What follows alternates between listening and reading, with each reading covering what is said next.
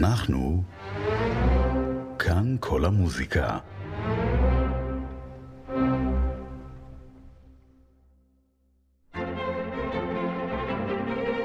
מגזין כאן כל המוזיקה עם אורי מרקוס.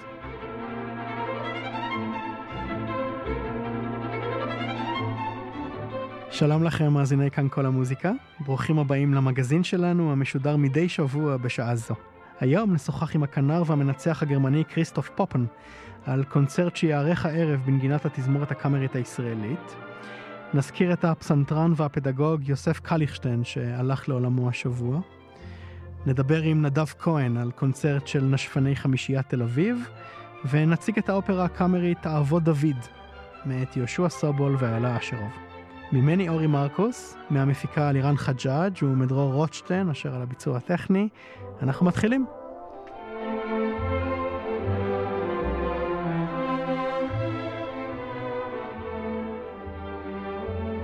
נפתח בסדרת קונצרטים הנערכת כעת בתל אביב, בנגינת התזמורת הקאמרית הישראלית. בתוכנית האומנותית נבחרו הפעם שלוש יצירות. הפתיחה מערת פינגל מאת מנדלסון, הסימפוניה הראשונה מאת פרנץ שוברט הצעיר בן ה-16, והקונצ'טו לכינור ולתזמורת כלי קשת של קרל עמדאוס ארטמן. קרל עמדאוס ארטמן, שאולי אינו ידוע לרבים מאיתנו, היה מהמלחינים הבולטים והמשפיעים שפעלו בגרמניה במאה ה-20. יצירתו מבטאת את השקפותיו המצפוניות וההומניסטיות, נוכח הופעות הפשיזם שרווחו בזמנו. עם עליית היטלר לשלטון, והוא בן uh, כ-28, התייצב ללא חת נגד המשטר הנאצי וסיכן את חייו כשעזר למלט את חבריו היהודים ממולדתו.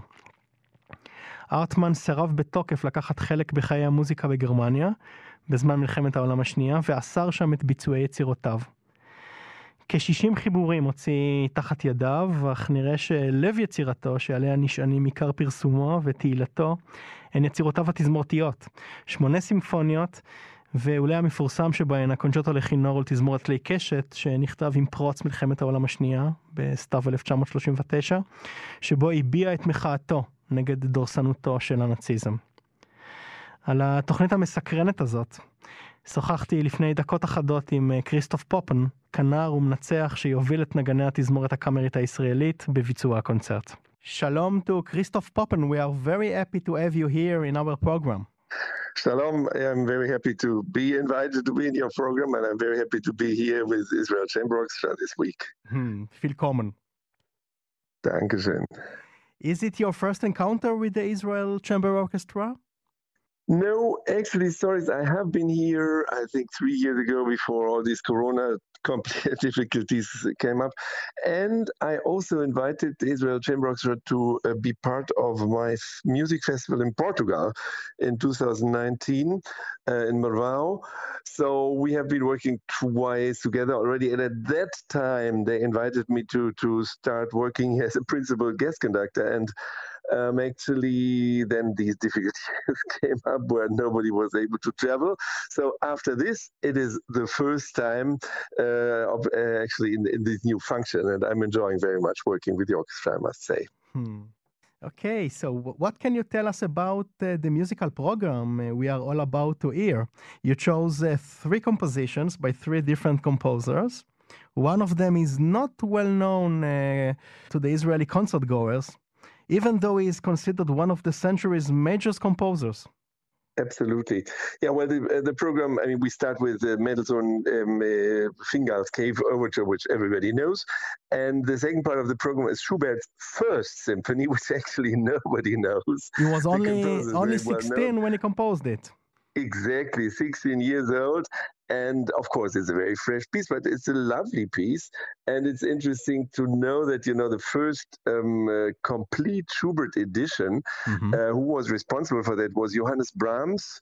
and um, uh, Clara Schumann, they were responsible for the first Schubert edition.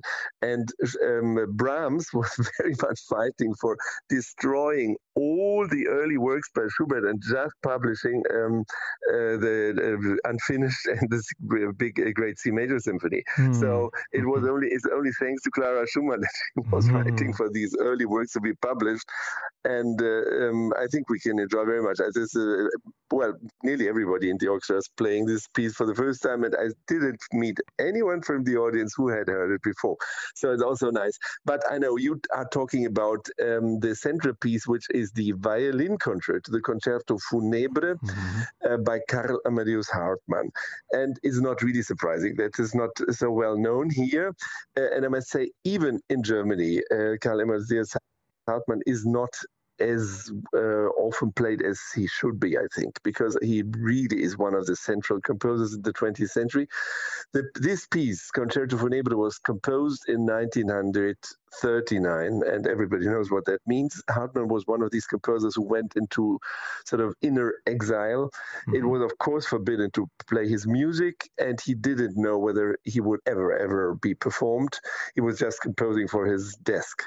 And um, actually, this Concerto Funebre, the original the title was uh, Musik der Trauer, Music of Mourning, mm-hmm. and later on, a few years later, he changed it into Concerto Funebre um, is sort of a vision about the tragedy which was unfolding at this time, and um, it's a marvelous piece. Everybody is is touched by it. The orchestra member as well as the solo is playing it for the first time. Yamen Sadi was playing it fantastically, I must say. Although it's the first time he's performing this piece and uh, also uh, the audience yesterday was deeply impressed by by this amazing music. And um, i must say i find it a bit frightening that uh, during this time uh, when we have another war coming up uh, it feels like the music is written for our days today. You recorded that piece with the german violinist isabel faust. This is correct yeah. I always um, thought uh, that hartmann deserves more more attention. And this recording during your um, uh, fertility is um, ECM recording with three works exactly. by Hartmann, the Concerto for Funebre with Isabel Faust, of course, also wonderful um, recording. There is also the Fourth Symphony for strings, which is an amazing piece as well, and the early, very early clarinet concerto, mm-hmm. uh, which is in a total different style. It's more more lighter music, um, but also very, very beautiful. And uh, concerto for clarinet, string quartet, and string orchestra. So quite interesting also. Yeah, and he, of course, is is considered one of the greatest composers for actually for the symphony. He was a great symphonist. Uh, yeah. he, he composed eight eight big symphony. Yeah. Um, I mean, symphonic symphonies for, for huge orchestra. The first one also with a um, alto soprano, uh, alto um, uh, voice um, as a soloist um, with very dark, also lamento texts. So, of course, all his music um, uh, is somehow connected to the tragedy of the time when he was writing it. Yeah, and he was not Jewish, of course. He was not Jewish, yeah. but he was very related, of course, to the Jewish yeah. life. We can we can also mention uh, the Bush Quartet, which were not uh, uh, Jewish, and Lotte Lehmann, the, the wonderful soprano, which was not Jewish and they protested the Nazi regime and they uh, decided yeah. to go abroad. Yeah. Yeah. Yeah, and or to stop their career. Like there, there are many others. Also, one doesn't really know. But there was a Klingler quartet, um, mm-hmm. Karl Klingler, who was also not Jewish, a student of Josef Joachim, and he he had a uh, his cellist was Silberstein. He was of course uh, Jewish, mm-hmm. and and he was sort of forced. Um, uh, they tried to force him um, uh, to exchange the cellist in his quartet, and he said, "No, then I'm going to stop playing." And he he just simply finished the career of the quartet in his own. He never played in public anymore. So there are many examples of, of German musicians who, who were very close to whatever could be the um, Jewish tragedy there. Yeah, I don't know if you know, but uh, Adolf Busch, the, the wonderful violinist, yeah. he, he came here in 1937, uh, one month before the, the Israeli Philharmonic Orchestra uh, was founded. And he, uh-huh. pl- he played Brahms' violin concerto. I didn't know that. Uh-huh. Yeah. Wonderful. Yeah. He was very close to to the to the IPO to Yeah. the yeah to the Israeli Yeah, Yeah, wonderful. Yeah, I mean, talking about all this, I must say um, that I still feel privileged being a German musician to be able to perform here in, in a very close relationship to the Israel Chamber Orchestra, and I'm very grateful for that. Hmm, wonderful, and we are very happy that you are here. And uh, would you like uh, to say uh, some words about the dates of the of the program? Well, actually, so we are in the middle already. Um, it's um, the we have two concerts. The first one was yesterday. Mhm. Um, it was very nice, and the f- second one is uh, tonight in the Tel Aviv Museum at 8 p.m. And it, of course, would be great to see some of the listeners of this program in the concert because I'm sure they will enjoy um, the orchestra and this wonderful music. Christoph Poppen, thank you so much for speaking with us. Vielen Dank Thank you very, very much, and I hope to be back here soon, as soon as possible. We're trying to find many dates in my calendar that I can come regularly. I'm looking very much forward. Thank you. ולסיום שיחתנו עם כריסטוף נשמע כמה צלילים מתוך יצירתו של הרטמן, קרל עמדאוס הרטמן, קונצ'רטו פונברה.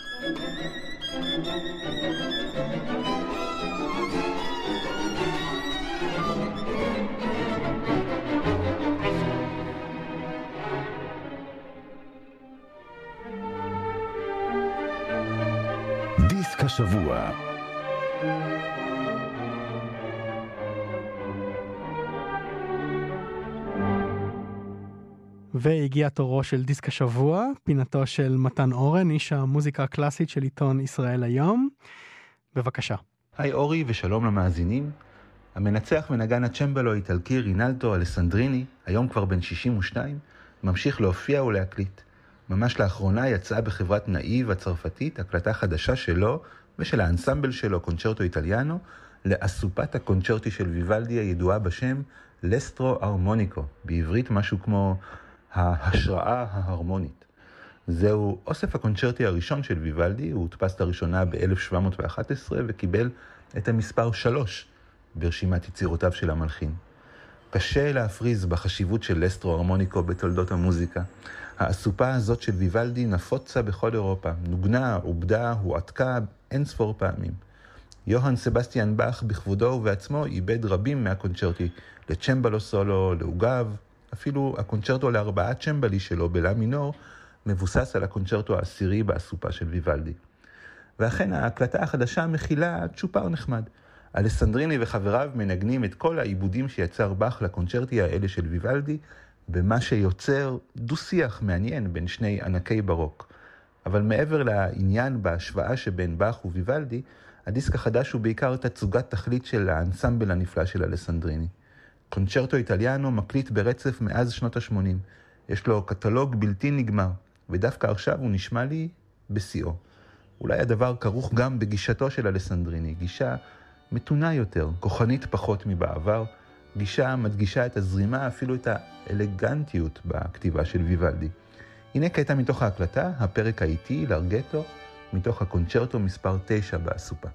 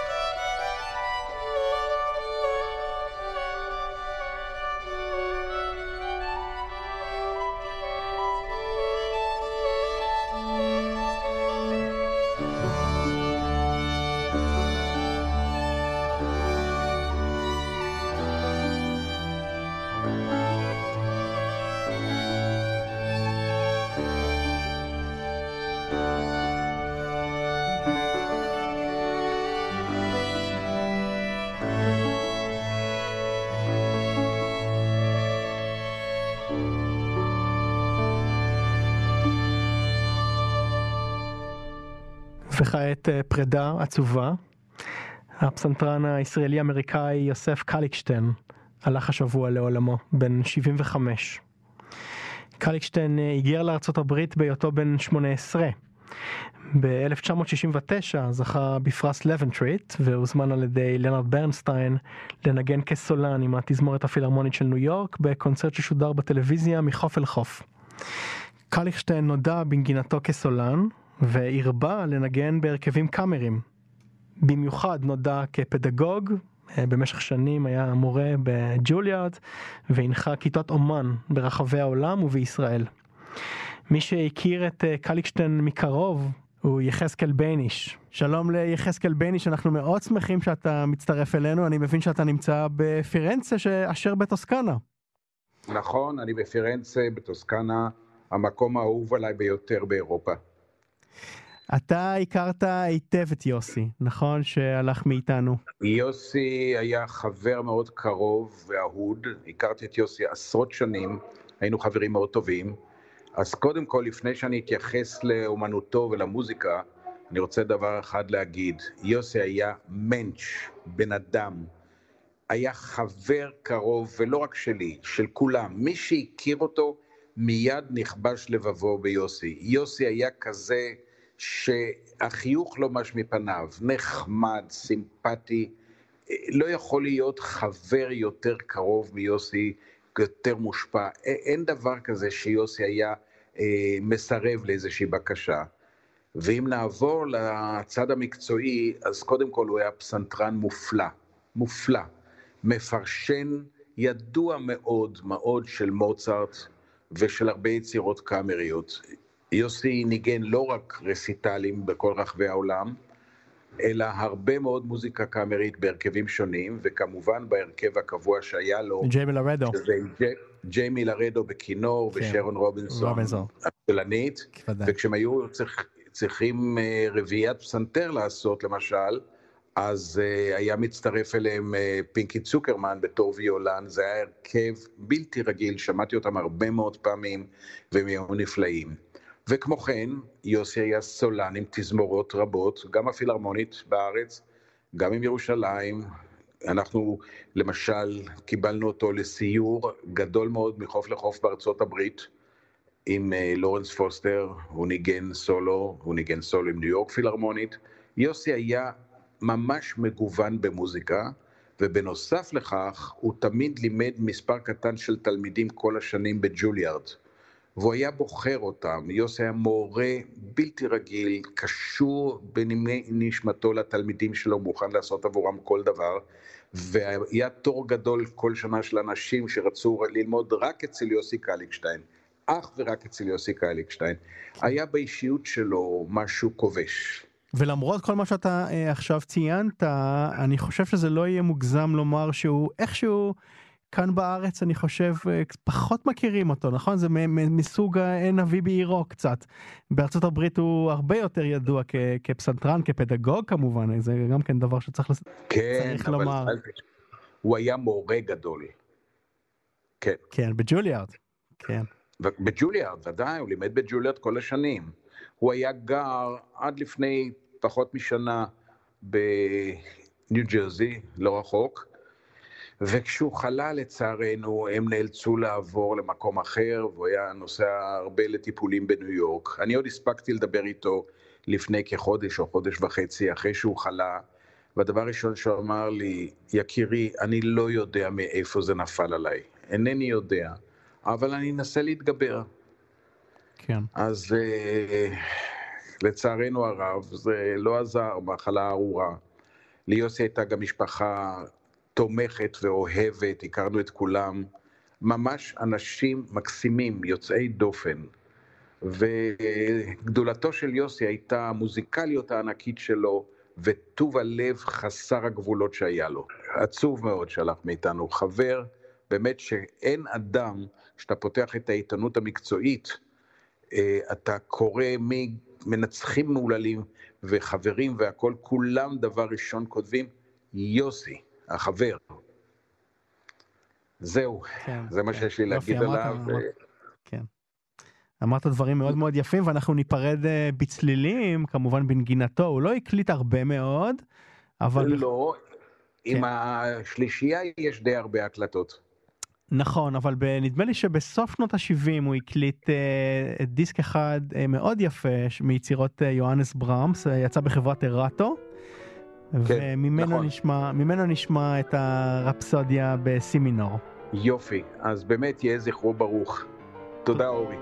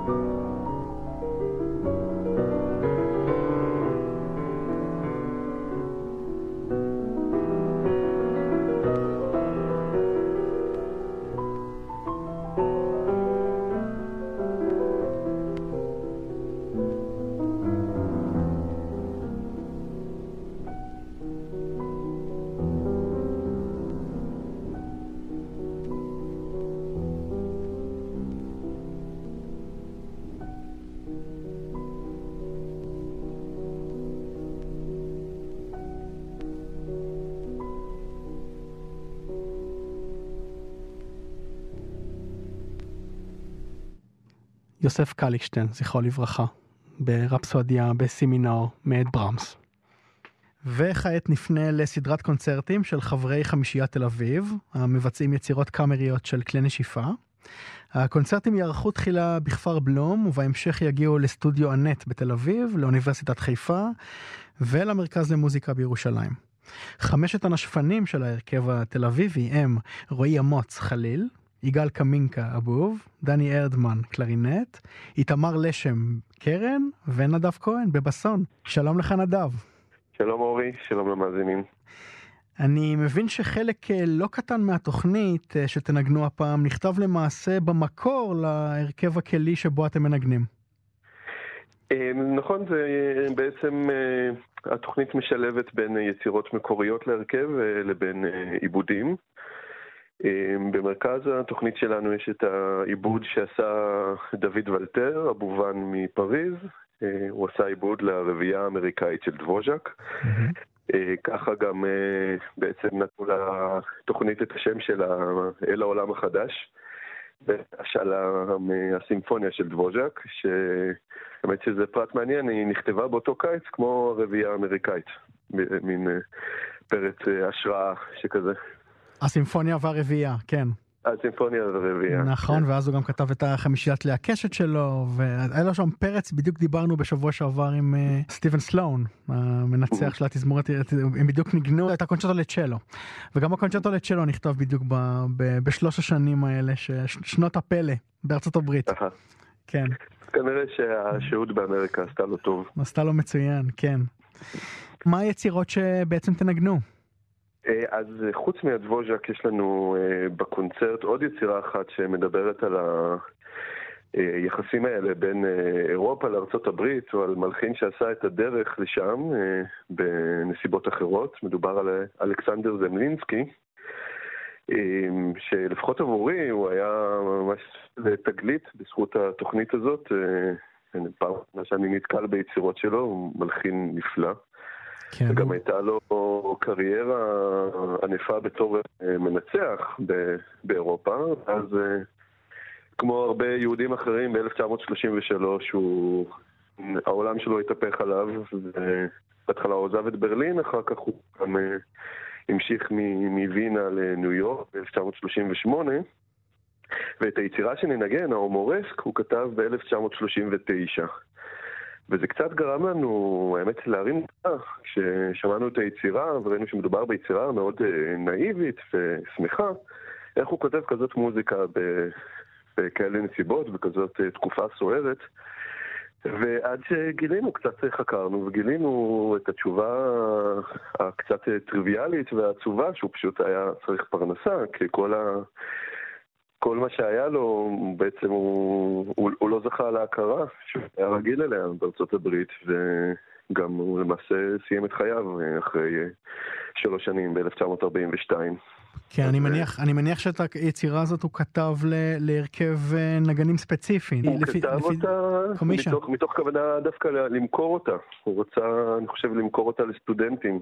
הוא היה נואש לקבל את הכסף, אז כנראה שהוא כתב אותה בסגנון אה, פשוט יותר משאר היצירות שלו, שלפחות שנתקלתי בהם. אז אה, נקודה מאוד מעניינת. אה, האמת שלי זה גם, כמובן, קבענו את התוכנית לפני הרבה חודשים, ולא לא, חז... לא תיארנו לעצמנו באיזה זמנים אנחנו נמצא את עצמנו עכשיו, אבל זה, לי אישית זה מאוד מתחבר עם משבר הפליטים הנוכחי, עם הפליטים מאוקראינה, אה, גורם לתחושות אה, של הזדהות עם אה, מישהו שצריך לעבור את החוויה המאוד מאוד קשה הזאת של עקירה מהמולדת. כן, כן, נזכיר שזמלינסקי נולד באמת לאב קתולי ולאם ממוצא יהודי ספרדי, ילידת סרייבו, והוריו בעצם בחרו לאמץ על חיקם את ה... את הדת היהודית, וזמלינסקי נולד ו- וגדל כ- כיהודי, ותחילת דרכו המוזיקלית הוא, הוא עשה כאבן חסותו של יוהנס ברמס. נכון. וכן, ובאמת הייתה לו קריירה, היום קצת באמת טיפה נשכח אולי, אבל הוא היה מלחין סופר חשוב uh, ב- בתקופתו. בווינה. הוא גם היה, בהמשך הוא היה מקורב למאלר ולשטיינברג. כן, ונזכיר שבשנת 1900 הגיע ללמוד אה, בכיתתו המבוקשת בווינה לא אחרת מאשר אה, עלמה שינדלר, בת ה-21. זמלינסקי התאהב בתלמידתו וקיים עמה רומן יצרי, מר ורווי מריבות, שהסתיים אה, כעבור כשנה כאשר בת הזוג תעדיף על פניו את גוסטב מאלר. לימים בעלה ואב שתי בנותיה. כן, כן, הייתה זוגתו. לפני מאלר הייתה זוגתו, כן. זה פרט uh, רכילות uh, מעניין. אי אפשר בלי, כן. אבל גם מבחינה מוזיקלית ההשפעה של מאלר מאוד נוכחת. זה אפשר להגיד שזה בעצם פרק מחמישיית נשיפה שמאלר מעולם לא כתב. כן, הוא בעצם, בעצם השפה המוזיקלית שלו, אני חושב, אף פעם לא ממש שברה את, ה, את האטונליות, נכון? של שיינברג, תלמידו, המהפכן. היא בעצם, נכון. היא מהווה מעין גשר כזה שמחבר את uh, מלחיני הרומנטיקה לאנשי האסכולה הווינאית השנייה, במובנים רבים. נכון, הוא נשאר עם אה, שתי רגליים אה, ברומנטיקה או בפוסט-רומנטיקה. וזה זה מעניין, מעניין אה, לזכור את כל זה כששומעים את היצירה הזאת יחסית קצרה, לזכור את כל הרקע המוזיקלי והחוץ מוזיקלי שהיא נושאת בחובה. חוץ משתי היצירות הללו יש לנו עוד שתי יצירות בתוכנית. יש יצירה שכתב במיוחד עבורנו המלחין הישראלי משה זורמן, סוויטה לחמישיית נשיפה.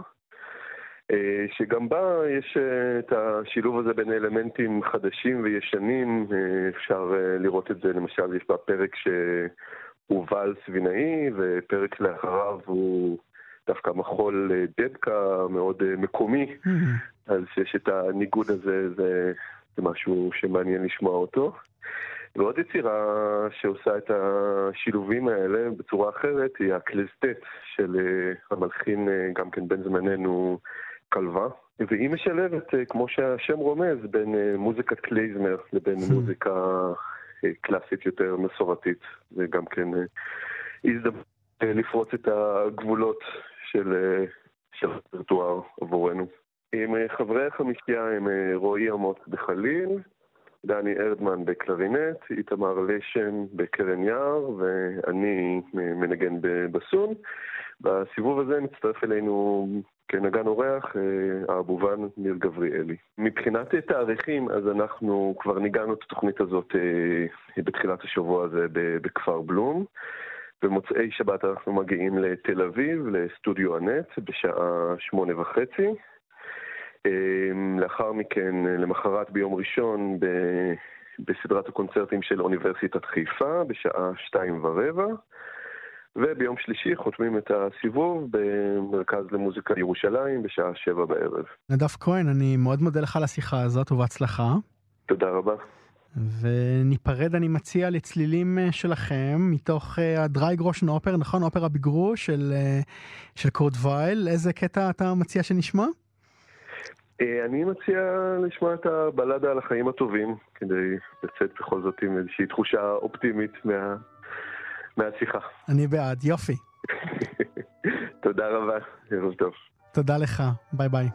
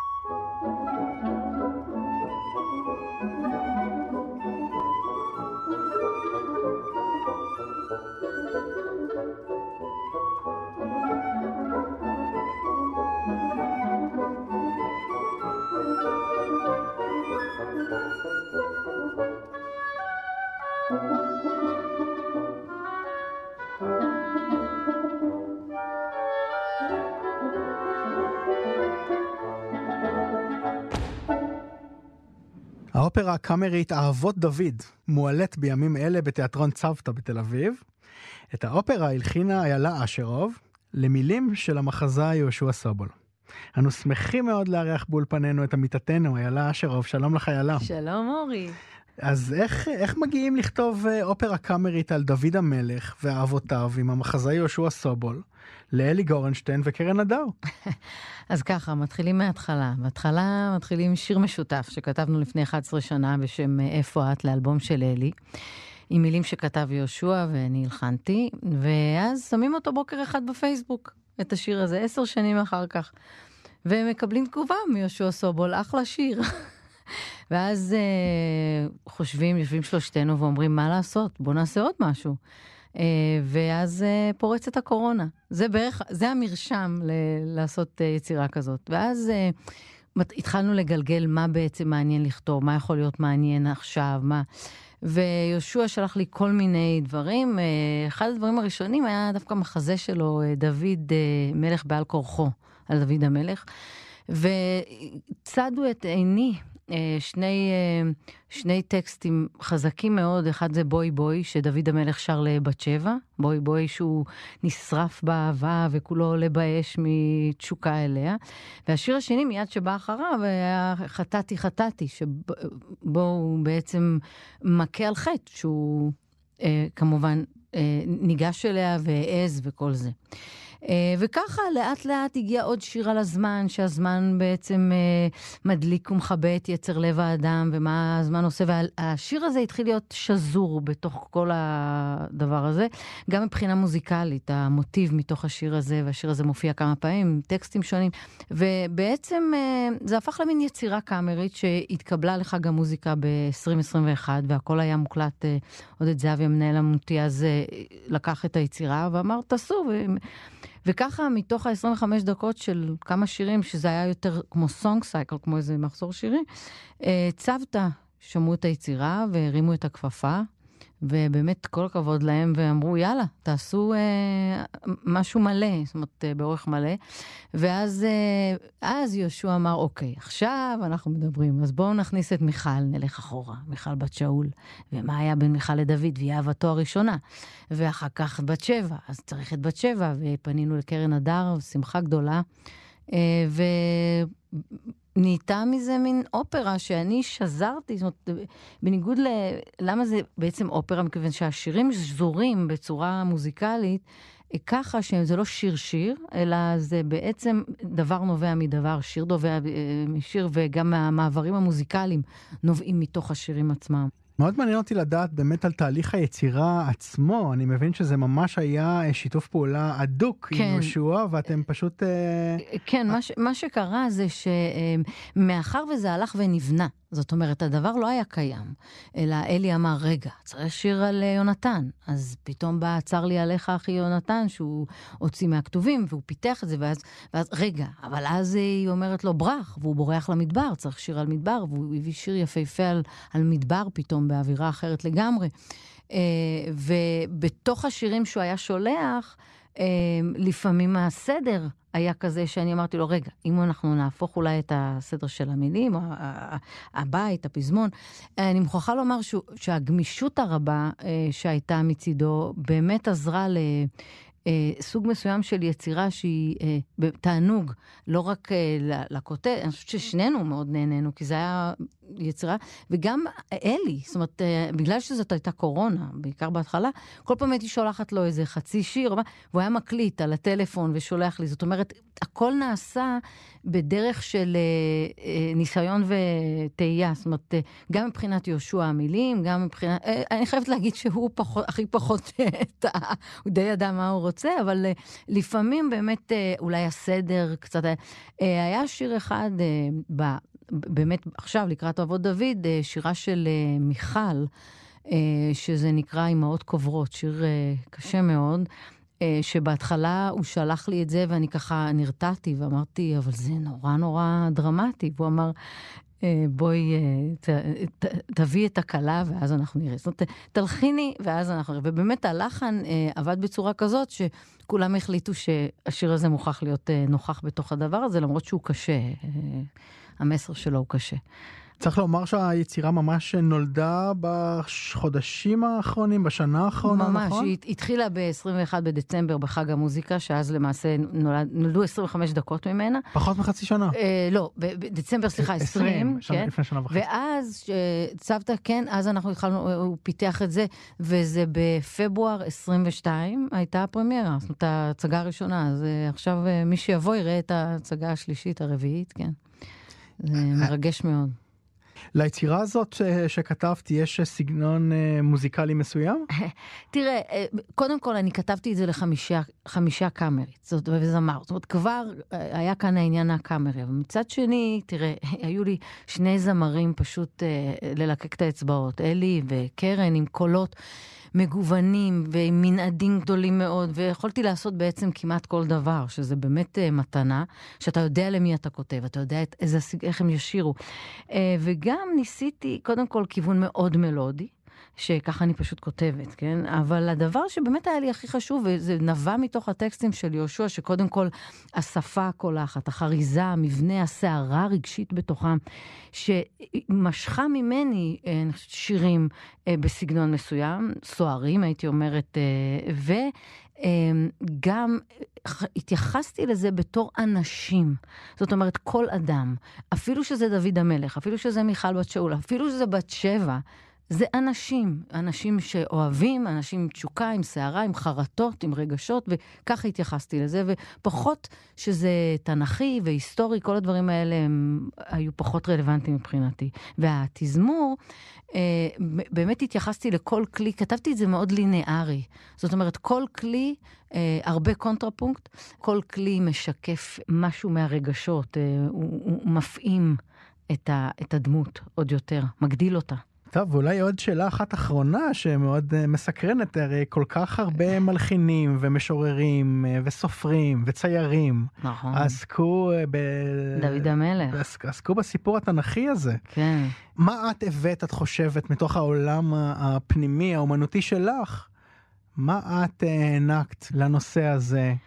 אני חושבת שאני לא יכולה להתייחס אל עצמי לבד כאן בשום אופן.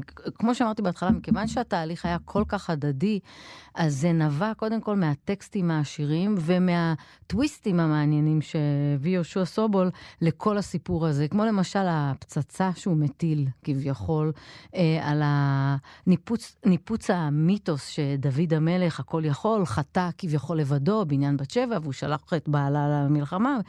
אבל למעשה, אה, הוא אומר כאן שהוא לקח אישה נשואה, ויש לנו השיר, אהבת בת שבע, שהיא שרה, היא למעשה אומרת, דוד, אתה הצלת אותי מחיים של שיממון, מחיי המתים. היה לי רע, הקול שלך הקים אותי לתחייה. הוא שלח את אוריה, והוא קרא לו בחזרה, ואוריה רצה ללכת בחזרה למלחמה. השיר עצמו הוא שיר נועז, הוא שיר בוטה, הוא שיר... אה, אני השתמשתי למשל רק בפסנתר, כמו איזה מין אה, שיר כזה ששרים אה, בבר, או באיזה מין קברט. חשוף מאוד. חשוף מאוד, בדיוק. דווקא את השיר הזה הורדתי את כל הכלים בשביל שזה יהיה חשוף, והיא אומרת, ומשפט המפתח של השיר הזה זה, טוב לחיות חיי חטא. מלחיות חיי מת. וזאת באמת אה, פצצה שהוא מטיל, שאני מתארת לעצמי שבמקומות אחרים אין כל כך. מכיוון שזאת באמת יצירה אה, קאמרית, חשוב לי מאוד להזכיר את ה... את ה... קודם כל, בימוי מאוד עדין של יהושע אה, בעצמו, ששמר על הדבר הזה שזה יהיה יצירה קאמרית, ולא יותר מדי לקח את זה למקום התיאטרלי. קרן ואלי הנפלאים. חמישה, חמש נגניות נפלאות, באמת, עינת פבריקנט על הפסנתר, שגם ניהלה את זה עם אה, אה, מוזיקלית עם הזמרים. אה, הייתה לנו אה, הילה אפשטיין על הצ'לו, מיכל טיקוצקי על החליל. בכינור יש לנו שלוש, הדס פבריקנט, אה, טלי גולדברג ואגר מעוז. מחליפות אחת את השנייה, ואפי שטרם על הסנר. אה, וגם הזדמנות להגיד לחיים וידר, שהוא המפיק בפועל שלנו, מצוותא תודה. ואולי באמת תאמרי גם בכמה מילים אה, באילו תאריכים זה יהיה? נכון, חשוב לומר שב-26 אחרי החג, אחרי המצות, ב-26 לרביעי זה יוצא יום שלישי, נדמה לי, בשמונה בערב בצוותא, אחר כך במאי, נדמה לי, ב-17, אז אנחנו אחרי פסח ואחרי יום העצמאות. זה בצוותא בתל אביב, נשמח לראות אתכם. היה תענוג להתראיין אצלך, אורי. ואני מאוד אשמח אם אה, ניפרד לצלילי הדואט ברח, כאשר אה, מיכל, מיכל בת שאול, אומרת לדוד המלך, עוד לפני שהוא, דוד המלך, ברח, כי אבי שם אותי למוקש, הוא רוצה שאתה תהיה איתי, וככה הוא יתפוס אותך, ולמעשה היא אומרת לו, ברח, אבל אם תיגע בי עכשיו, תבעיר תשוקתי. ברח, קרן הדר ואלי גורנשטיין. תודה. ברח, ברח מן העיר אהוב נפשי, ברח, ברח מן העיר אתה חופשי, ברח, ברח כי מחר יהיה מאוחר, ברח, אהובי היקר, ברח למדבר. מה אתה אומרים לאביך?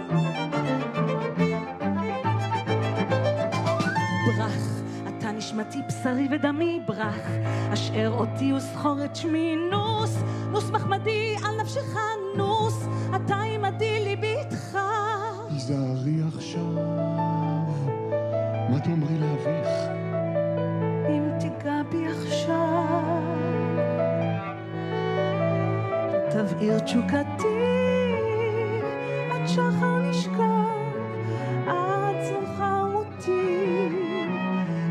תבעיר תשוקתי, עד שחר נשכב.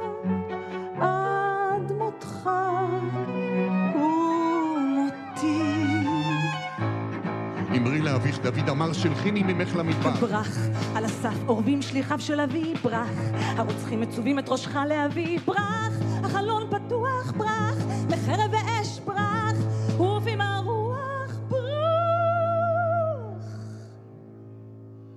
avant du bagage.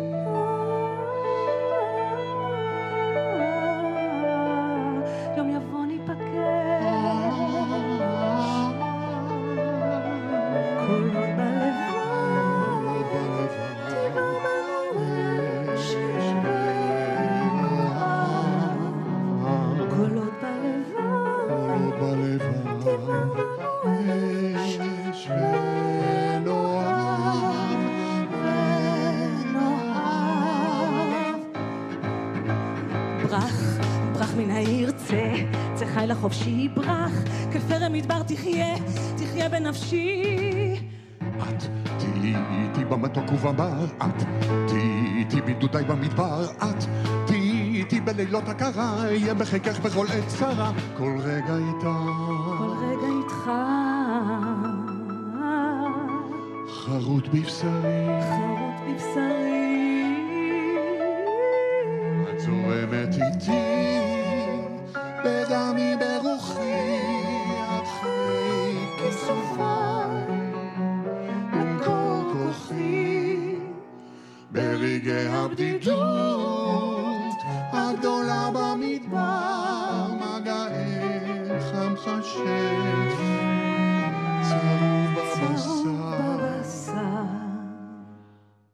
ועד כאן תוכניתנו.